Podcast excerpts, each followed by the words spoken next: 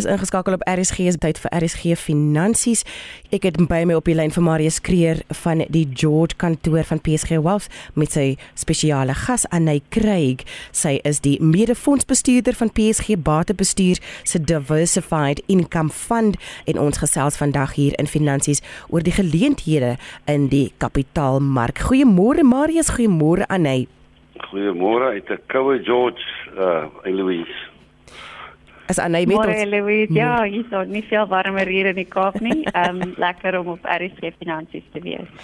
Fantasties. So daar is tans baie beleggers wat hulle kapitaal in geldmarkfondse belê het omdat hulle bang is vir die risiko in die mark met rentekoerse wat heelwat gestyg het, kry hulle tans so om en by 8,5%.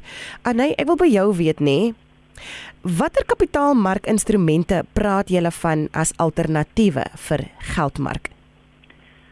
As alternatiewe praat ons van instrumente vir staatseffekte en dit is nie noodwendig langtermyninstrumente nie, dit kan korttermyn staatseffekte ook wees en dan is daar korporatiewe effekte en dit is die twee hoof noem dit bateklasse of subbateklasse. En mens kry ook termyndeposito's by banke en dit werk amper soos korporatiewe effekte, maar dit is nie genoteer nie. So die doel van hierdie tipe instrumente en dit waarin inkomstefondse tipies sal belê, is om geldmarkkoerse uit te presteer. En wat is die risiko's rondom staatseffekte en korporatiewe effekte? So, oorkoepelende risiko wat beide tipe effekte raak, is die risiko soos met enige instrument dat 'n belegger te veel daarvoor betaal. So dis wat ons markrisiko noem. Selfs met aandele kan staats- en korporatiewe effekte se pryse kan styg en dit kan daal. So dit is baie belangrik om 'n proses te hê wat integriteit het um, om beide hierdie tipe instrumente te kan waardeer. So in terme van staatseffekte is hierdie markrisiko of die prysrisiko dan nou die grootste risiko en dit omdat die waarskynlikheid dat die staat nie sy verpligtinge in randterme sal nakom nie basies nul is. As ons dink dan aan korporatiewe effekte, is die risiko bietjie anders. Daar loop beleggers die risiko dat 'n entiteit nie al verpligtinge betyds kan nakom nie en dit kan so erg as 'n bankrotskap wees maar soms ervaar maatskappye en ook staatsmaatskappye sal dit daarbey insluit 'n likwiditeitskrisis en dit kan veroorsaak dat hulle skuld moet herstruktureer en beleggers kan daarna geseer kry. So tipies sal beleggers dan van hulle kapitaal verloor. Dit is baie belangrik om te weet dat hierdie risiko is nie uniek tot fondse behalwe die geldmark tipe fondse. Die geldmarkfondse belê ook in korporatiewe effekte en ons luisteraars sal waarskynlik bekend wees met die die African Bank en ook die Landbank ervarings en dit het sekere geldmark en inkomstefondse verliese laat lê. So baie belangrik um, is dat ehm, 'n um, belegger nie noodwendig meer risiko teen korporatiewe effekte neem deur in 'n inkomstefonds te belê eerder as 'n geldmark nie.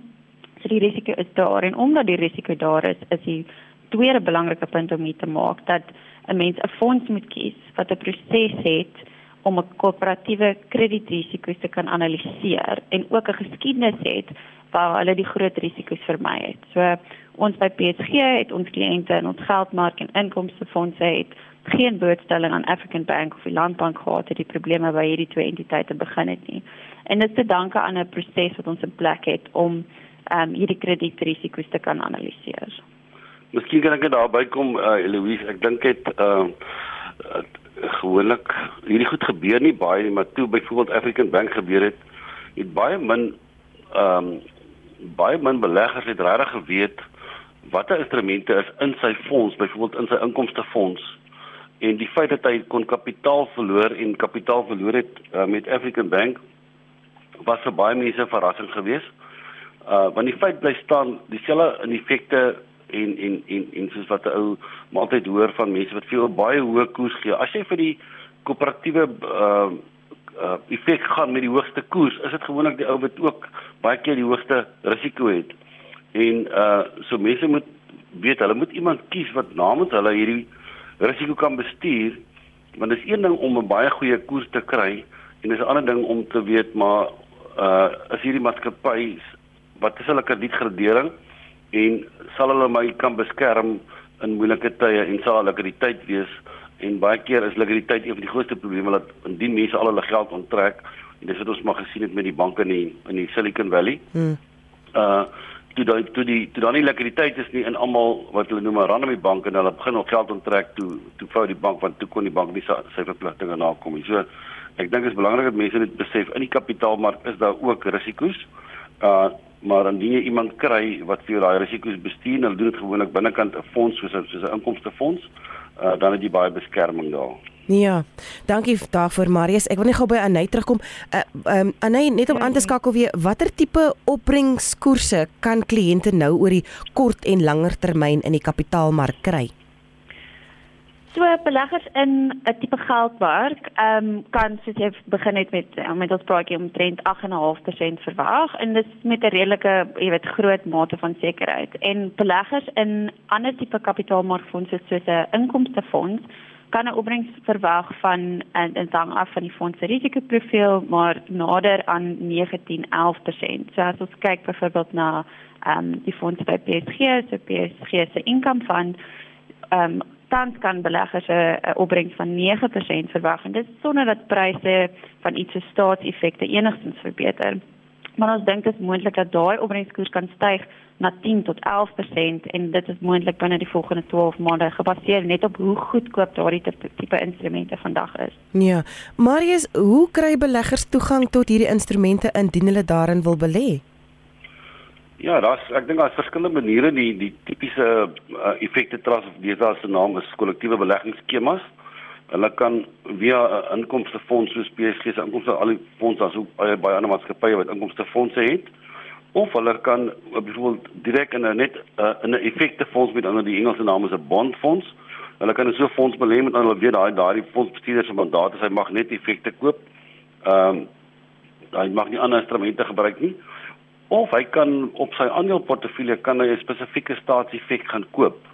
Ehm um, as hy byvoorbeeld 'n aandeleportefeulje het, so jy kan in die mark kan jy spesifiek 'n uh, 'n staatseffek gaan koop het sy die termyne wat ook al wat jy kies. So daar is maniere om dit te kan doen. Ehm um, wat mense dit besef is dat die rentekomponent ons het ons het miskien net vinnig daaraan raak. Die rentekomponent van jou geldmark wat mos nou jou hele opbrengs is net rente maar indien jy wel 'n een van hierdie kapitaalmarkinstrumente koop, gaan die rentekomponent ehm uh, ten volle belasbaar wees, maar daar's ook dan ek dink aan hy gaan dit later aanspreek en daar kan 'n kapitaalwins wees vir alles ons na langtermyn rentekoerse kyk vorentoe en rentekoerse kom af, ehm um, dan maak jy ook 'n kapitaalwins binnekant jou binnekant jou ehm um, staatseffek. Hm.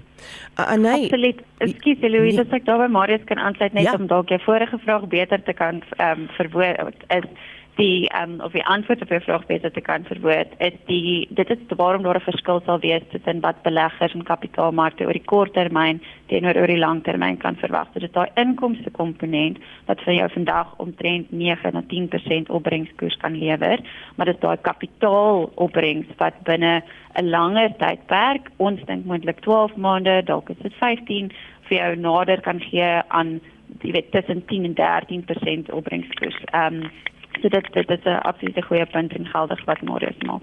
Ah, oh, fantasties. Anay, as mede-bestuurder van die PSG Inkomstefondse, watter strategie gebruik julle om vir kliënte bo gemiddelde opbrengste te kan gee en hoe bestuur julle die risiko in die fonds?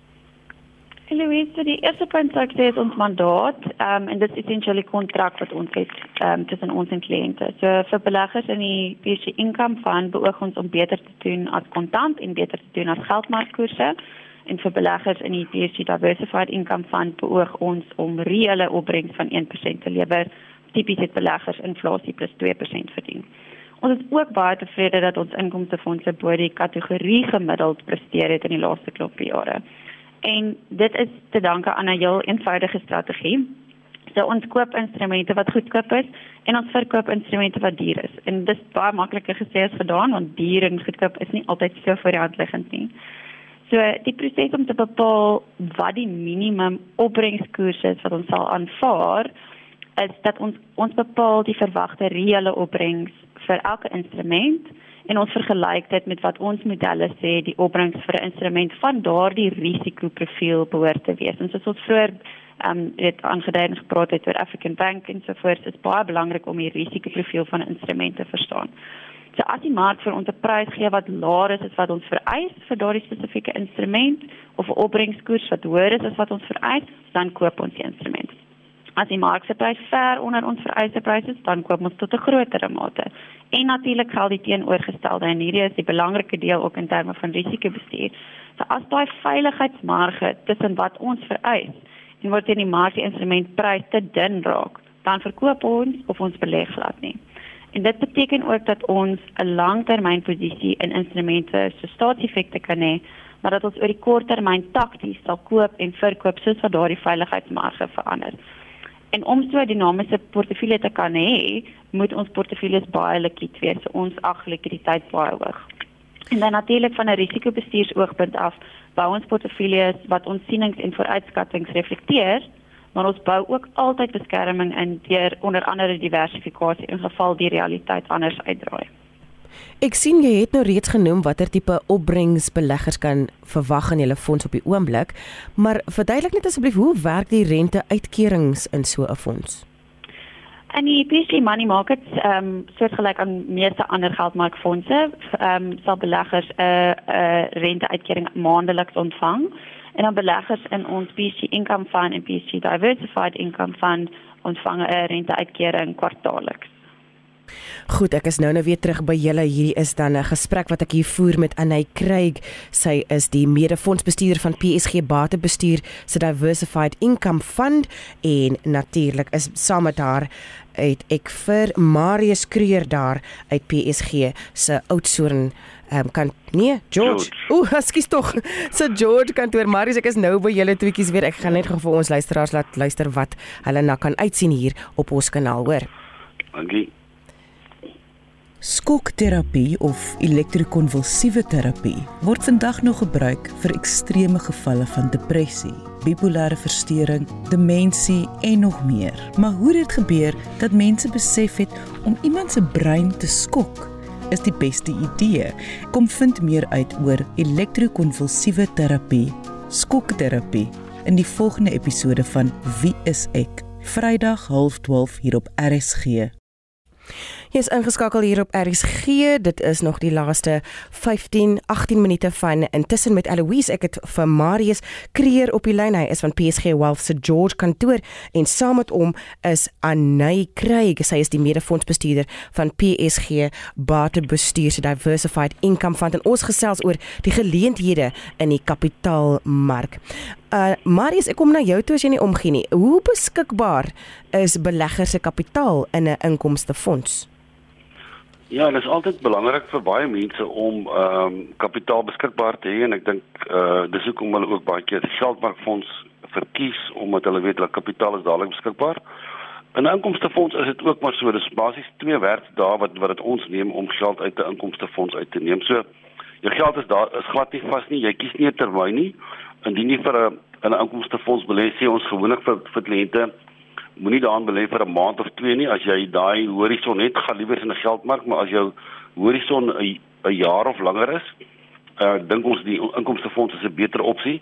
Maar indien jy langs die pad vinnig kapitaal nodig het ehm um, is dit maklik om die kapitaal uh uit te kry en daar is likwiditeit altyd in die fonds en Anay terug na Ja, kies as ek as ek nog 'n punt daar kan maak. Um, ek dink dit is nogal 'n groot voordeel wat inkomstefondse het bo iets soos 'n vaste deposito by 'n bank. En vaste deposito koerse deesdae is regtig aantreklik. So ek kan verstaan dat dit ook 'n 'n 'n baie lonende belegging kan wees um, vir beleggers. Maar jou kapitaal is dan vas, soos wat die vaste hmm. deposito in die naam sê.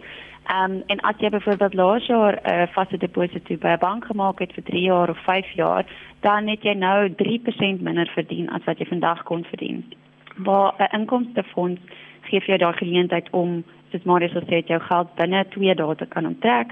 Ehm um, as jy dit nodig het of jy van besluit verander in terme van jou belegging, jy wil dalk in die ekwiteitsmark belê, dan het jy daai opsie. So daai tipe ehm um, opsionaliteit dink ons in marke wat beweeg en waar pryse beweeg is nogal baie werd. Maar ek dink mense moet maar net altyd 'n bietjie bang vir die risiko's wat Marius van tevore genoem het. Uh, Anay, hoe sien julle rentekoersbewegings in die toekoms? So ons glo is naby aan die toppunt van die rentekoers siklus. Die repo koers is tans 8.25% en die markprys nog 'n kwart persent in vir volgende week se monetêre beleidskomitee vergadering.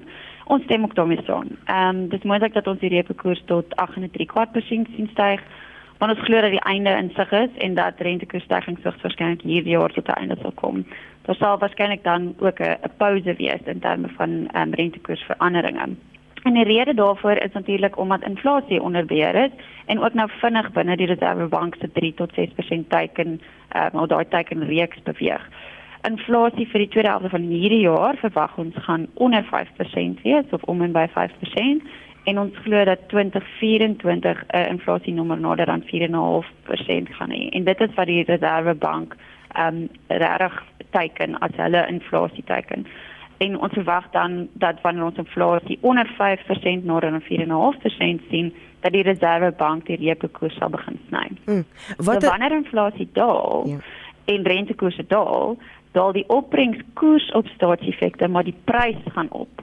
So dit is baie positief vir beleggers in staatseffekte en vaste rentefondse. Dan kan 'n mens sien hoe inkomstefondse opbrengs vinnig van 9% per jaar na 11% beweeg. Mm. En natuurlik wag die mark ook nie vir die nommers om aangekondig te word nie. Pryse beweeg gewoonlik vooraf. So mense wil belê voordat dit 'n konsensussiening is dat die makroomgewing meer positief raak vir effekte en vaste rentefondse. Kan jy ook net byvoeg daarbey watter kapitaalrisiko of voordeel dit dan vir ons beleggers gaan inhou? So kapitaalrisiko is regtig nie veel meer as in 'n geldmarkfonds nie. Ehm um, as jy ook 'n soos ons sê 'n 'n fonds kies met 'n rekord om die die groot kredietrisiko's ehm um, 'n fonds wat die groot kredietrisiko's vermy het, ehm um, dan weet jy jy belê in 'n proses waar hulle kapitaalrisiko absoluut op fokus. Um, en waar jy waar jy gewoonlik 'n trek rekord sien van van geen weet maandelikse verliese nie. Ehm um, so ek sou sê jou is 'n baie skrale verhoging in die kap kapitaalrisiko ehm um, deur van 'n geldmarkfonds te beweeg na 'n inkomstefonds toe. Miskien net daar byvoeg eh uh, ja? Louise ja? as as as beleggers nou 'n bietjie vorentoe kyk, dan is dit nou tans vir hulle lekker om 8.5% te kry, maar as hulle dink rentekoerse gaan daal, moet hulle weet geldmarkkoerse gaan ook daal vorentoe. En as geldmark en as en as as rentekoerse daal, sit jy dan met hierdie hoër koers wat jy tans kry in die inkomstefonds plus jy die kapitaalwins wat jy maak wat dan die gesamentlik gaan dit dan vir jou eintlik as jy dit gaan vergelyk ek dink as ons hy oor 'n jaar weer hierdie gesprek het en ons sê vir onsself wat het ehm um, inkomstefondse gedoen die afgelope jaar toe oor geldmark? As ons dink rentekoerse gaan binne 'n jaar of oor 'n jaar weer daal en geldmark sit dan miskien weer op 6.5% en, en jy kyk na inkomstefondse wat dan vir jou as gevolg van die kapitaal ehm um, wins wat jy gemaak het dan dalk die 11% gee, dan is dit 'n regtig groot verskil wat jy uh, op die volgende jaar gaan gaan hê uh, as jy as jy uh, kapitaalmark of 'n inkomstefonds vergelyk met 'n geldmarkfonds. Marius, um, jy het nou genoem mens kan die kapitaal binne 2 dae in die hande kry, maar kan kliënte inkomste maandeliks neem uit 'n inkomstefonds? Omdat inkomstefondse nie maandeliks ehm um, rente verklaar nie, verkies ons dat kliënte nie maandelikse inkom geld uit inkomstefonds neem. So tipies wat 'n mens liewer sal voorstel is, kom ons sê 'n persoon sit met 'n groot bedrag tans op 'n op 'n geldmarkfonds.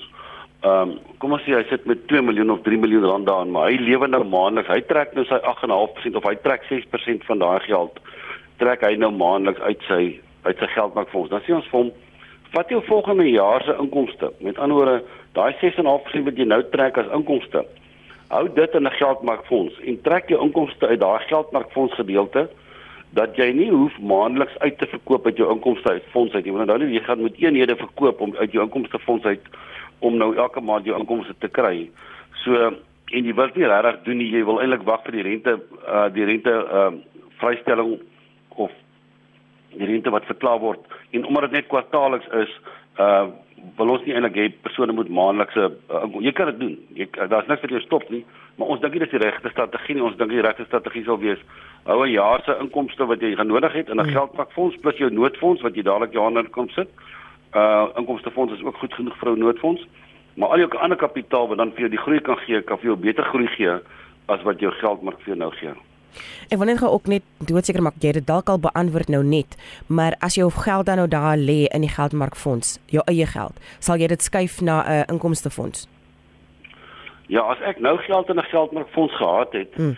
ehm um, en ek kyk 'n bietjie na wat ons langtermynkoers is en ek dink weet ek is nou so bietjie langer ek dink as Anay in die in die in die bedryf.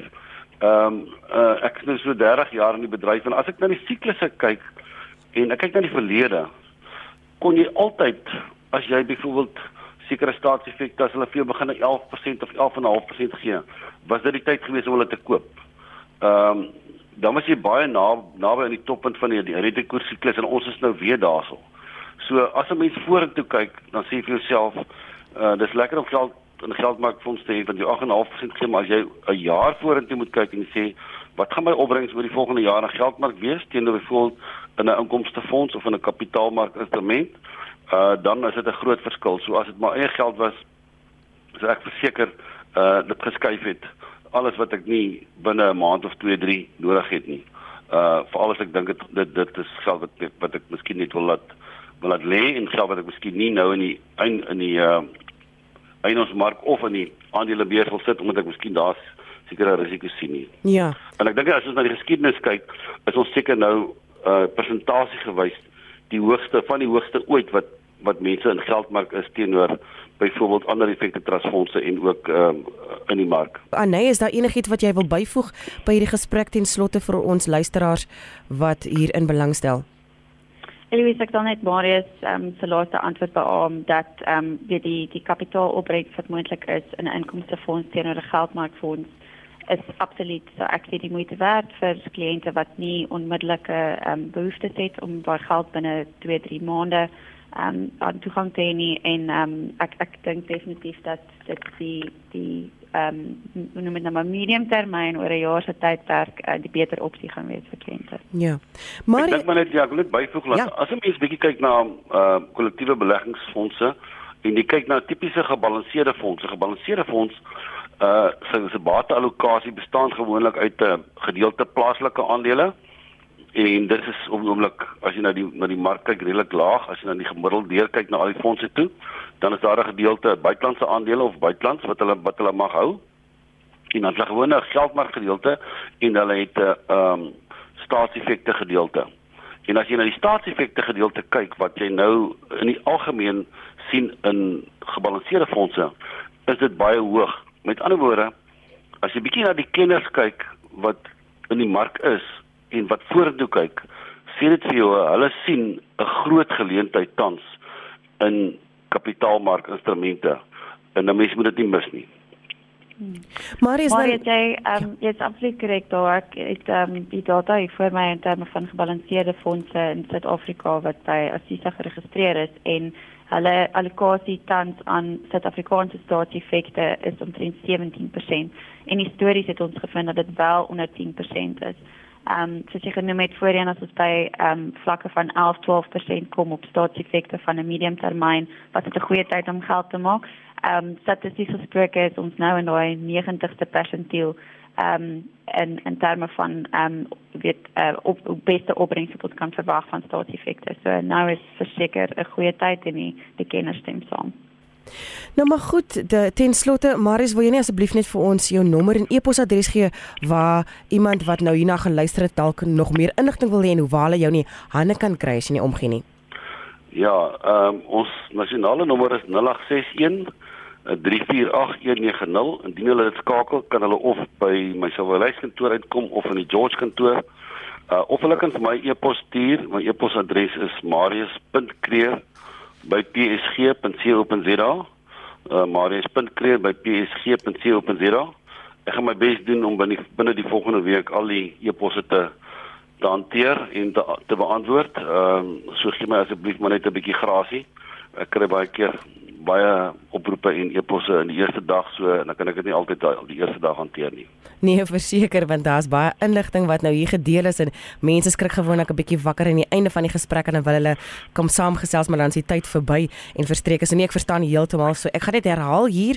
Jou e-posadres is marius.kreer@psg.co.za en daai nasionale nommer waar mense jou kan kontak is 061 348 1901. Is dit korrek so? Marius? Uh net 190. 190. Ek Ja. so 0861 348190.